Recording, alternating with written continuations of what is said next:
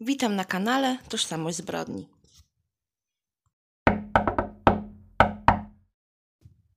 Fragment wyroku Sądu Okręgowego w Łodzi pod przewodnictwem sędziego Marka Chmieli. Cytuję. Nie potraficie kochać i daliście temu wyraz, dokonując tych zbrodni.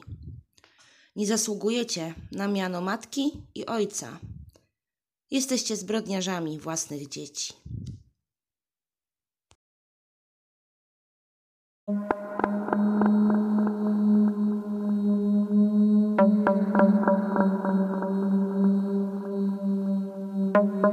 you.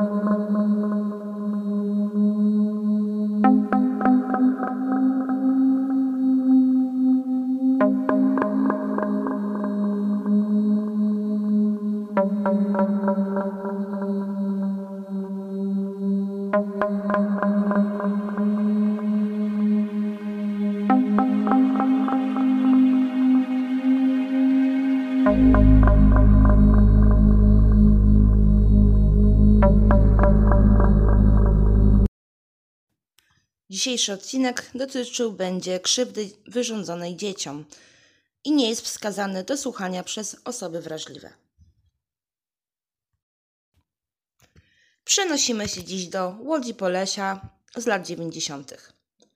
Ulica Radwańska w tamtym okresie nie należała do chlubnych rejonów miasta. Można wręcz śmiało stwierdzić, że wtedy było to swoiste centrum patologii wszelakiej. Na co dzień dochodziło tam do kradzieży, rozbojów, napadów, pobić. W zniszczonych, zaniedbanych kamienicach komunalnych mieszały się środowiska marginesu społecznego, jak i ludzi, biednych, ale uczciwych. Na Radwańskiej wszyscy wiedzieli o sobie wszystko. Monitoring osiedlowy w postaci staczy okiennych bacznie nadzorował społeczność. Tylko o jednej parze wiadomo było tyle o ile, czyli prawie nic. Jadwiga i Krzysztof mieszkali w kamienicy o podwójnej numeracji 45-47. Wynikało to z faktu, że w jednym budynku były dwa osobne wejścia. Ich skromna, ciasna kawalerka z równie skromnym balkonem mieściła się na parterze. Byli młodzi, gniewni i niezbyt sympatyczni. Jednocześnie wchodzili w standardy społeczności zradwańskiej, chociażby przez to, że jak większość nie pracowali, a żyli z drobnych kradzieży i z szybkich fuch na czarno. No i jak większość zalegała z czynszem i cwaniakowali ciągnąc, ciągnąc prąd na lewo. Było to po prostu dla nich wszystkich normalne. Jadwiga była niską, pyzatą szatynką, świeżo po ukończeniu zawodówki o profilu włókienniczym, Typ szarej myszki, cicha, małomówna, skryta, całkowicie podporządkowana rok młodszemu Krzysztofowi, w którego była wpatrzona jak w obrazek. On z kolei nie skończył nawet podstawówki, ale miał szacun na dzielni, a to było o wiele bardziej potrzebne na Radwański niż wykształcenie.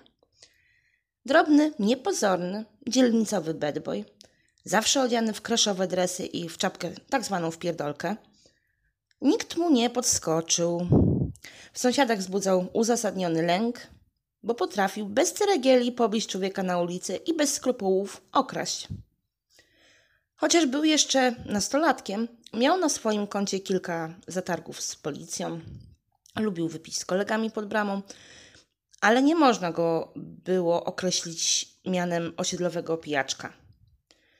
To, co łączyło go z Jadwigą, to nie wywlekanie brudów z domu – Krzysztof mało mów, mówił o tym, co się dzieje w życiu jego i ukochanej, a i towarzystwo nie próbowało za bardzo w to wnikać, bo wszyscy wiedzieli, że Krzyśkowi mało potrzeba, by wpaść w szał. Efekty tych aktów agresji można było zauważyć na twarzy i ciele Jadwigi postaci siniaków. Nikt nie miał ani odwagi, ani ochoty komentować tego stanu rzeczy – na Radwańskiej nie ona pierwsza, nie ostatnia chodziła potłuczona przez konkubenta. W 1992 roku 19-letnia wówczas Jadwiga rodzi Monikę. Dwa lata później para doczekuje się bliźniaków Kamila i Adama. Chłopcy urodzili się przedwcześnie i wymagali specjalnego, a przede wszystkim drogiego pokarmu. Na dodatek okazało się, że jeden z maluchów miał chore nerki.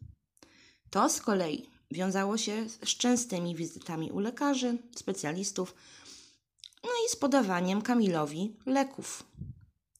Dla Jadwigi i Krzysztofa już sam fakt, że zostali rodzicami, było powiedzmy uciążliwe.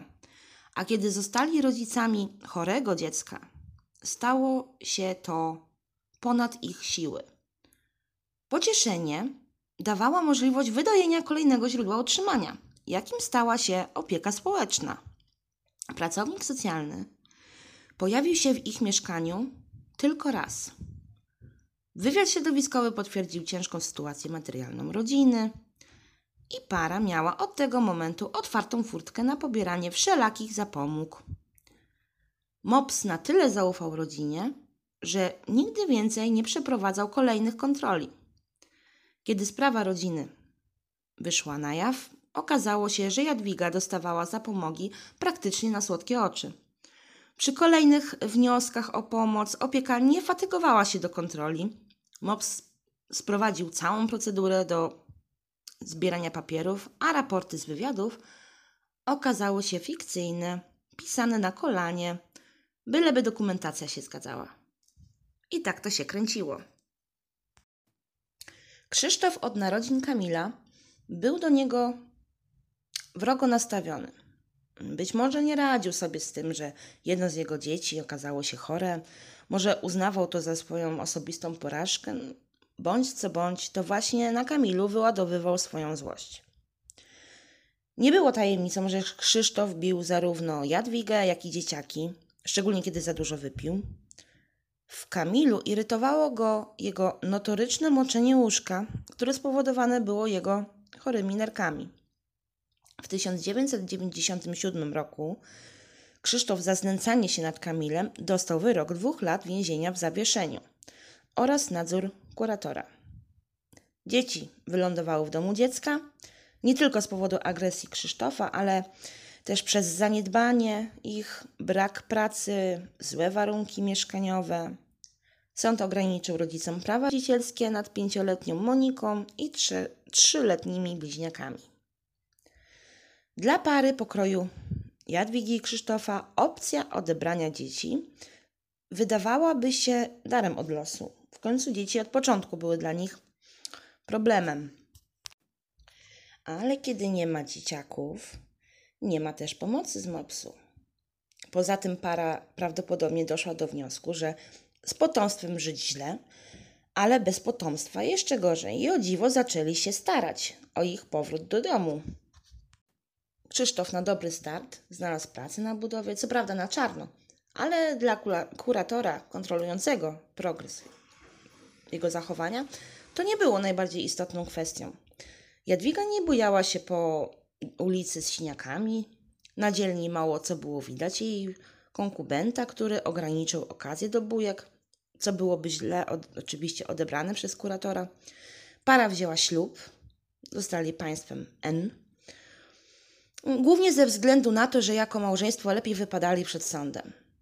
Wzięli udział nawet w terapii rodzinnej, bo i takie działania były dużym plusem w sądzie. Wyremontowali kawalerkę z uwzględnieniem kącika wydzielonego dla dzieciaków.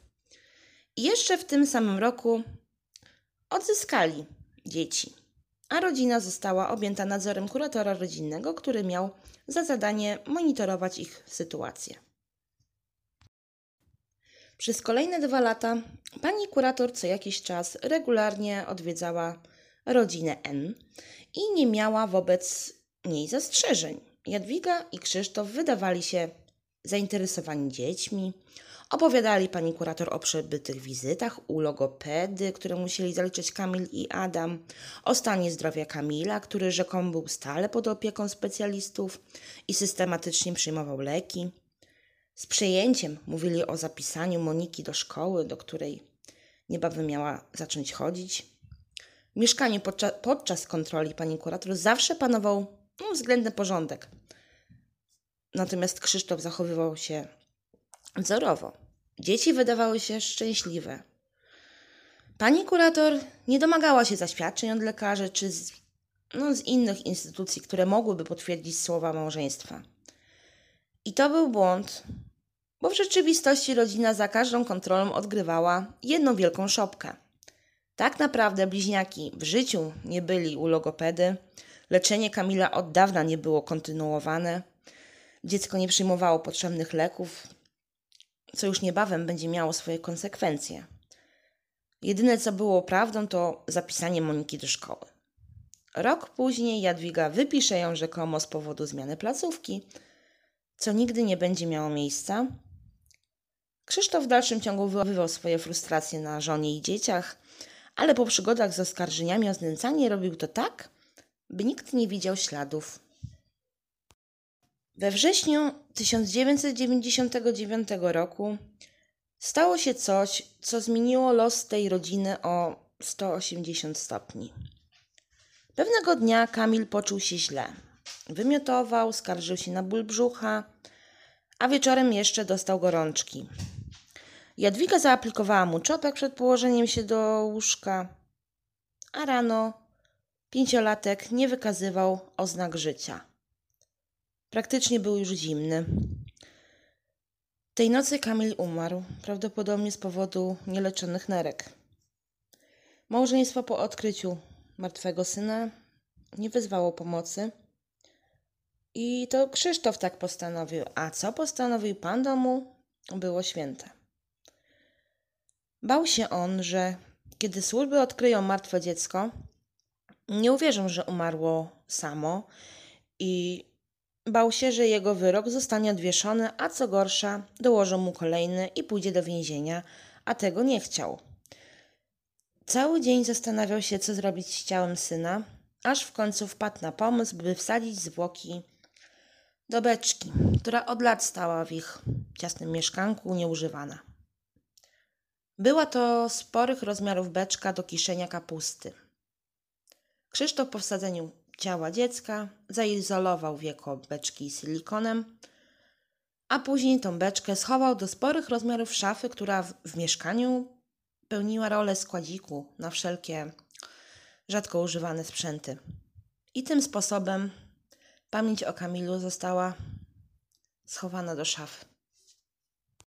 Po kilku dniach od śmierci Kamila Krzysztofa zaczęły męczyć wyrzuty sumienia i na tyle go męczyły, że wpadł na kolejny pomysł, tym razem odebrania sobie życia. W sumie nie tylko sobie, bo odgórnie zdecydował za całą rodzinę, że popełnią zbiorowe samobójstwo. Załatwił na lewo kilka blistrów relanium i po prostu zakomunikował Jadwidze, że tego wieczoru wszyscy usną na zawsze. Kobieta nie, nie, nie miała zamiaru umierać, nie chciała też śmierci dzieci, ale po profilaktycznym liściu z ręki męża zgodziła się na ten chory pomysł. Nad ranem obudzili się wszyscy, oprócz Adasia. Był nieprzytomny. Z zeznań Moniki wiadomo, że ojciec dla pewności jeszcze go podduszał. Ostatnie chwile Adasia oboje opisali już podobnie. Krzysztof, chcąc sprawdzić, czy dziecko żyje, włożył jego głowę do wanny wypełnionej wodą i czekał, aż pojawią się bąbelki, które miały rzekomo świadczyć o tym, że Adaś oddycha, ale nie pojawiło się nic. Po trzech dniach zwłoki Adasia zostały potraktowane jak ciało Kamila i w szafie stały już dwie niebieskie beczki do kapusty. 19 września tego samego roku, zaledwie kilka dni po ukryciu Adasia w szafie, do mieszkania państwa N przyszła pani kurator na standardową kontrolę. Łyknęła jak pelikan bajkę o wyjeździe bliźniaków do babci, która mieszkała w Warszawie. Zanotowała standardowe, pozorne postępy w życiu rodziny, które małżeństwo już recytowało na każdej wizycie. Pani kurator zapewne nie spodziewała się, że to jej ostatnia wizyta w tym mieszkaniu. Po kontroli rodzina ze strachu przed konsekwencjami tego, co się wydarzyło, zaczęła się ukrywać. Oczywiście Krzysztofa najbardziej przerażało widmo czasów w pace. Szkoda, że dla tego faceta więzienie było czymś o wiele bardziej strasznym niż fakt zabicia dziecka praktycznie własnoręcznie i z zimną krwią. Rytm dnia rodziny N polegał na wychodzeniu z mieszkania skoro świt, z plecakami wypchanymi prowiantem i ulotkami, które roznosili w okolicy, bo w ten sposób sobie dorabiali. Wracali pod osłoną nocy i często zabierali ze sobą ośmioletnią wówczas Monikę, ale zdarzało się, że potrafili zostawić ją samą w domu nawet na kilka dni.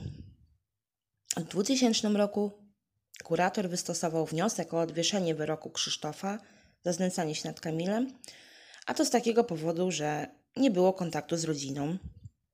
W takim przypadku delikwent dostaje potocznie zwany bilet z terminem stawienia się do zakładu karnego. Kiedy nie zjawi się na miejscu w wyznaczonym czasie, z automatu zostaje wrzucony na listę poszukiwanych listem gończym. I tak też stało się z Krzysztofem. Ale policja, która miała za zadanie ścigania ludzi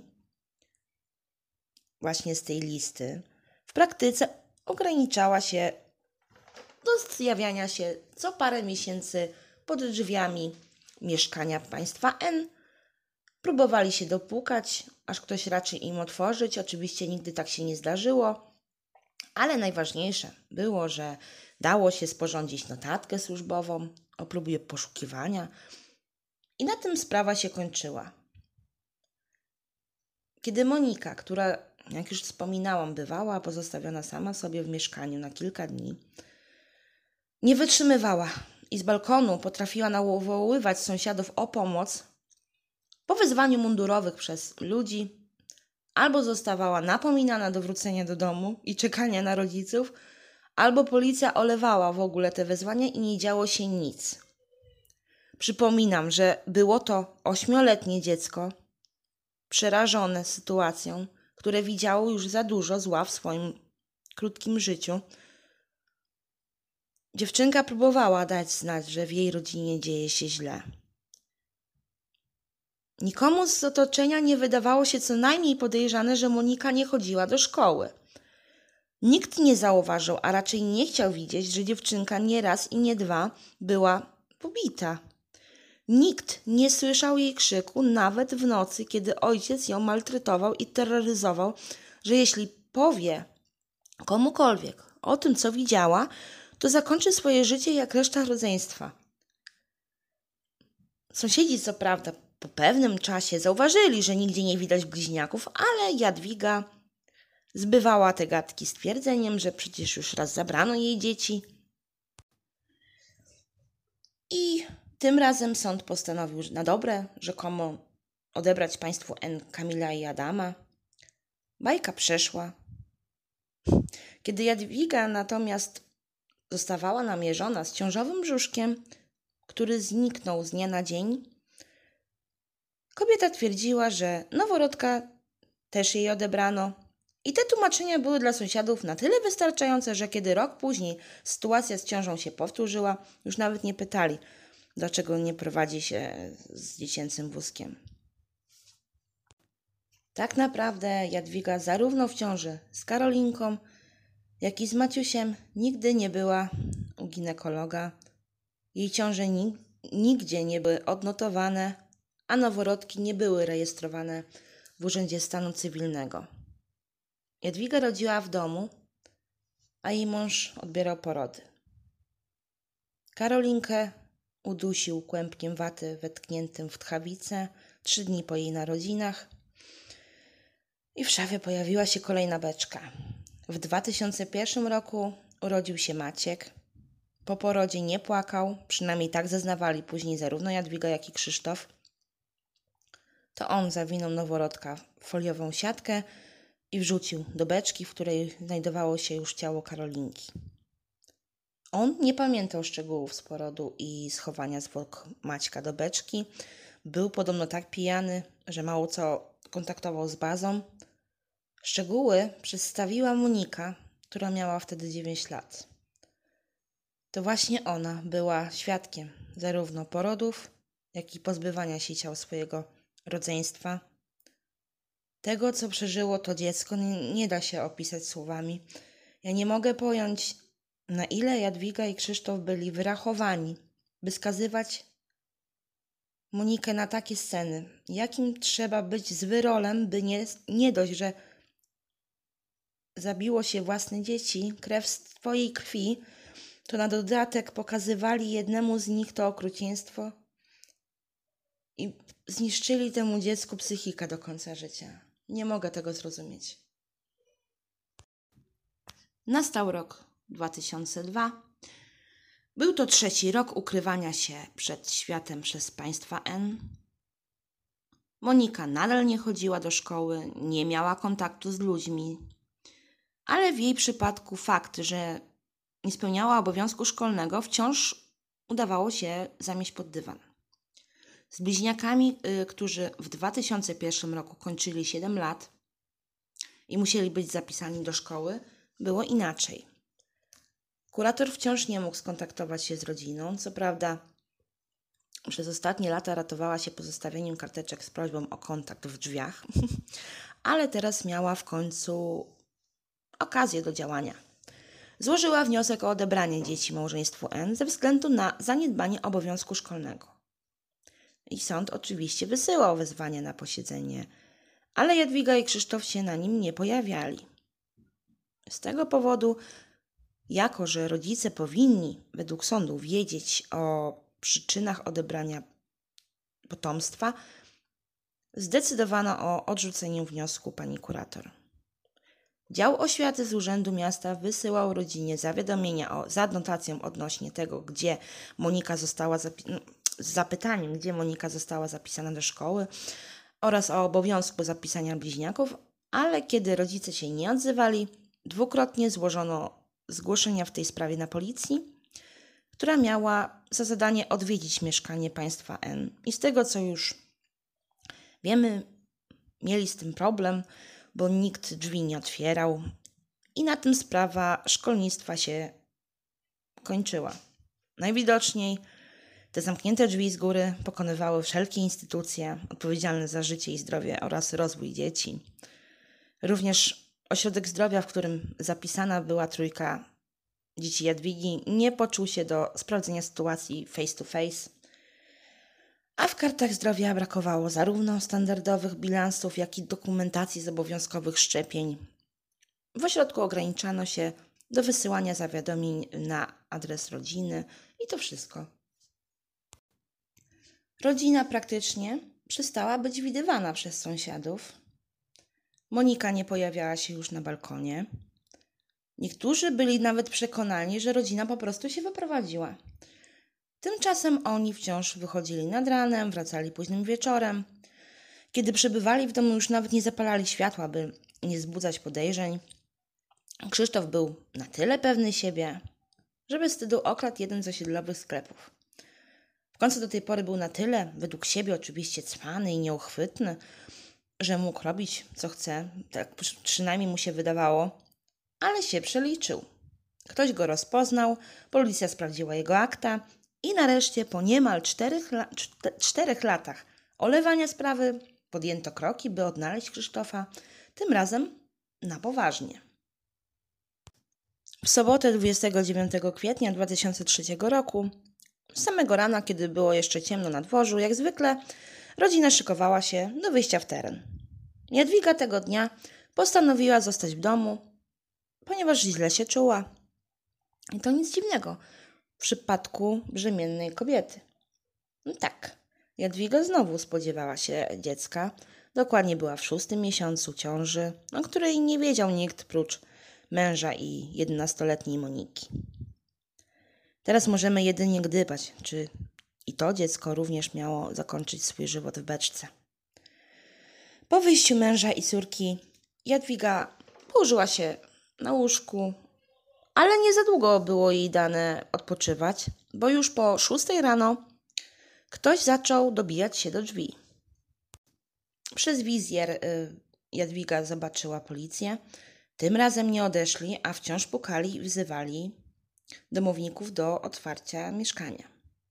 Kobieta zadzwoniła do męża i ostrzegła go, że pod drzwiami stoją mundurowi i policja słyszała, że ktoś jest w domu tym razem.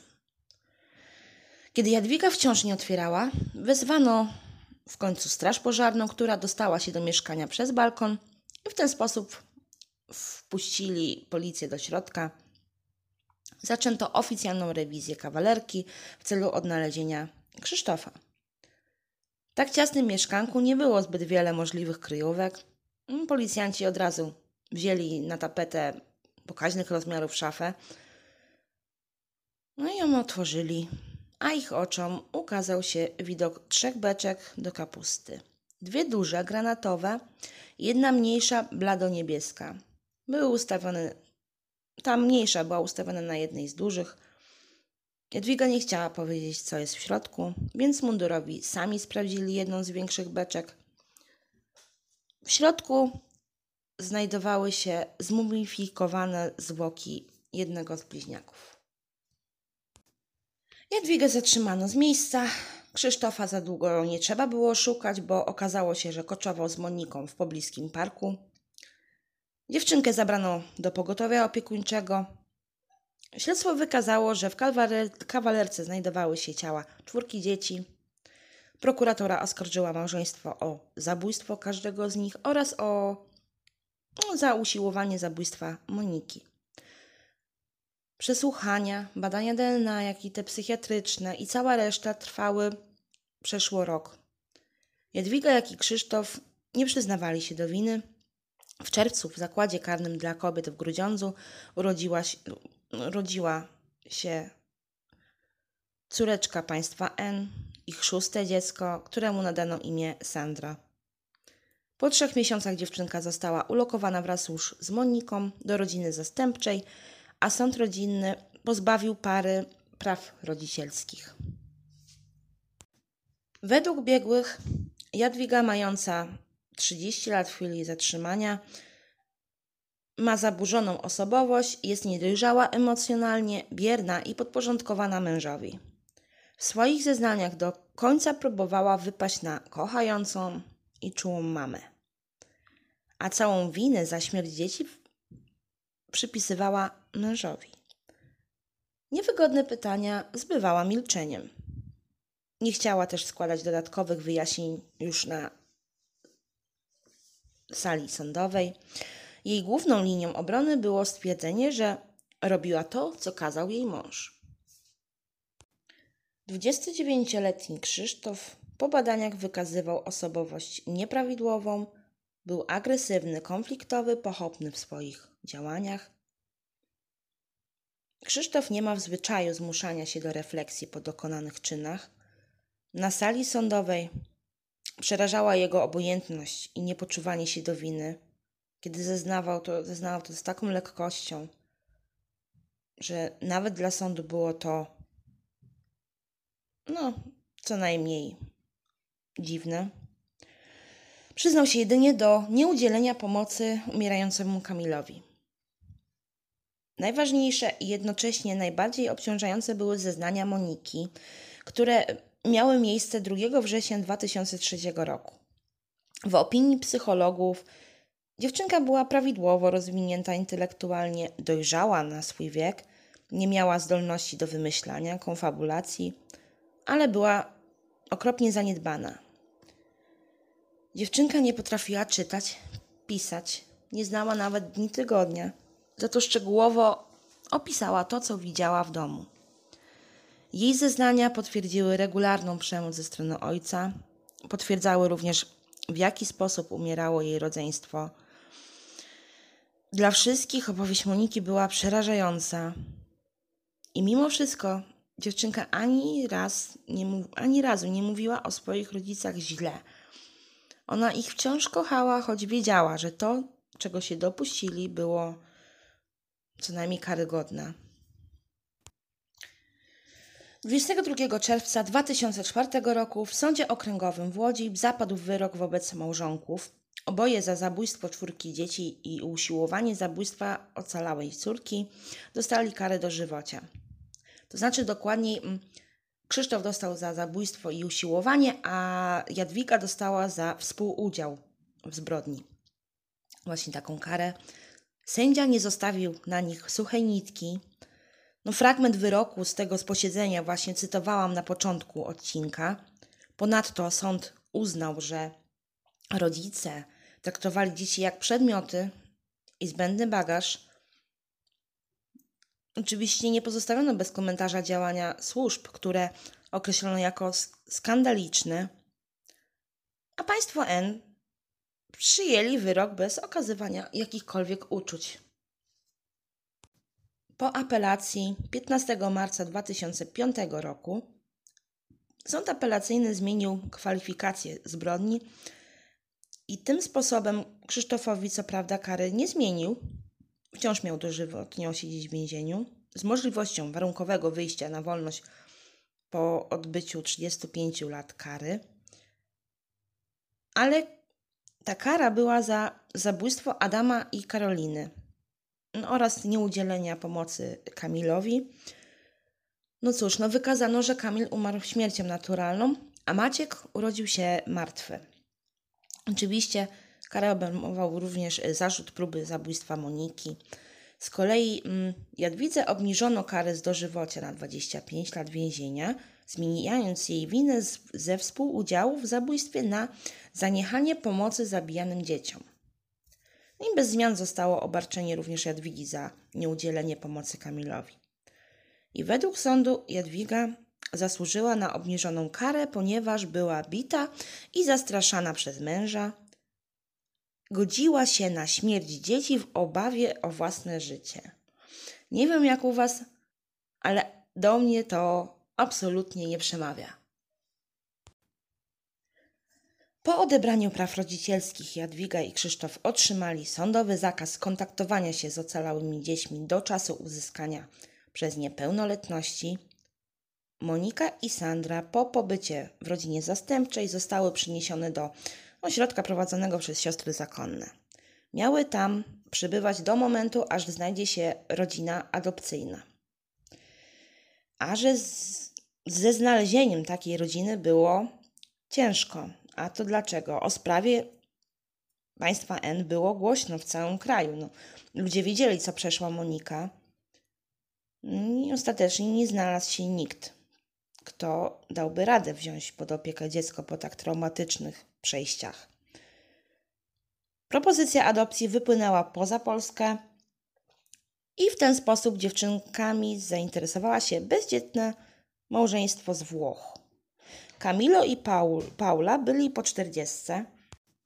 On z zawodu architekt, ona nauczycielka. Mieszkali w willi pod Mediolanem jedyne czego im brakowało to potomstwa. Po kilku poznawczych wizytach ostatecznie w grudniu 2004 roku doszło do adopcji. Monika, obecnie to już dorosła 28-letnia kobieta, Sandra za rok skończy 18 lat i mam nadzieję, że pomimo tego, co było, dziewczyny są szczęśliwe. I dane im było poznać prawdziwą miłość rodziców. Po ujawnieniu sprawy, instytucje wszelkie maści, które miały za zadanie kontrolować rodzinę N, zaczęły wzajemnie obwiniać się o tragedię. Mops z rozbrajającą szczerością przyznał się do niefrasobliwości w kontrolach. Policja dostała baty z każdej możliwej strony za olewanie interwencji i za to, że przez cztery lata przerastało ich zamknięte drzwi do mieszkania.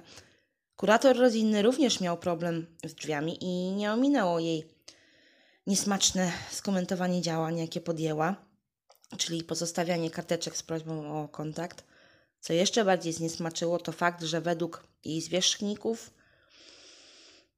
Pani kurator wywiązała się ze swoich obowiązków i dwa razy nawet została uniewinniona w tej sprawie.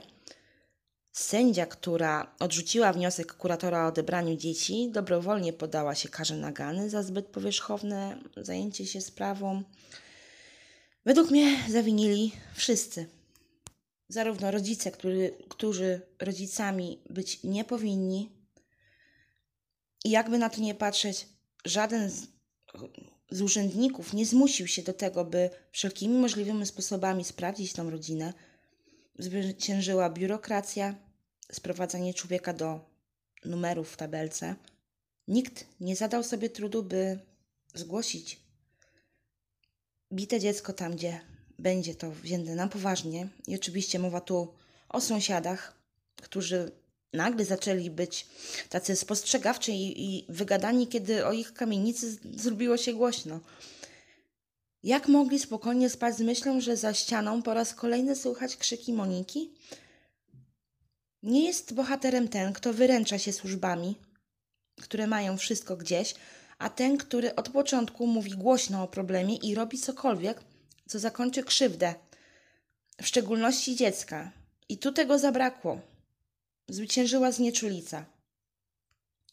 W jednym ze źródeł znalazłam opinię policyjnego psychologa, taką jedną z pierwszych na świeżo po odkryciu beczek. Według pani psycholog yy, chowanie ciał dzieci w beczkach i świadczyło o zaburzeniach w sferze osobowości i psychiki, wspominała o ewentualnej psychozie, określiła dzieciństwo zarówno Jadwigi i Krzysztofa za bardzo trudne. No okej, okay, zaburzenia rozumiem, ale tłumaczenia tej tragedii trudnym dzieciństwem jakoś do mnie nie przemawiają. Rozumiem, że życie od początku ma na nas wpływ. Tryb życia, wspomnienia, wiadomo, wszystko. Ma wpływ na to, jacy będziemy jako dorośli. Jedni mają lepiej, drudzy mają gorzej, ale to nie daje nikomu przyzwolenia do bycia zwyrolem dla własnych dzieci. Gdyby tak było, to Monika by powieliła błędy rodziców, a jakoś nie słuchać o tym, żeby takie coś się stało. Taki przykład mm, najbliższy tej sprawie. I to by było na wszystko, przepraszam. I to by było już na dziś wszystko, co chciałabym opowiedzieć o tej sprawie. Chciałabym złożyć wszystkim życzenia noworoczne, oby rok 2021 okazał się dla nas wszystkich lepszy niż obecny, który się na szczęście kończy. No i cóż, do usłyszenia do siego roku.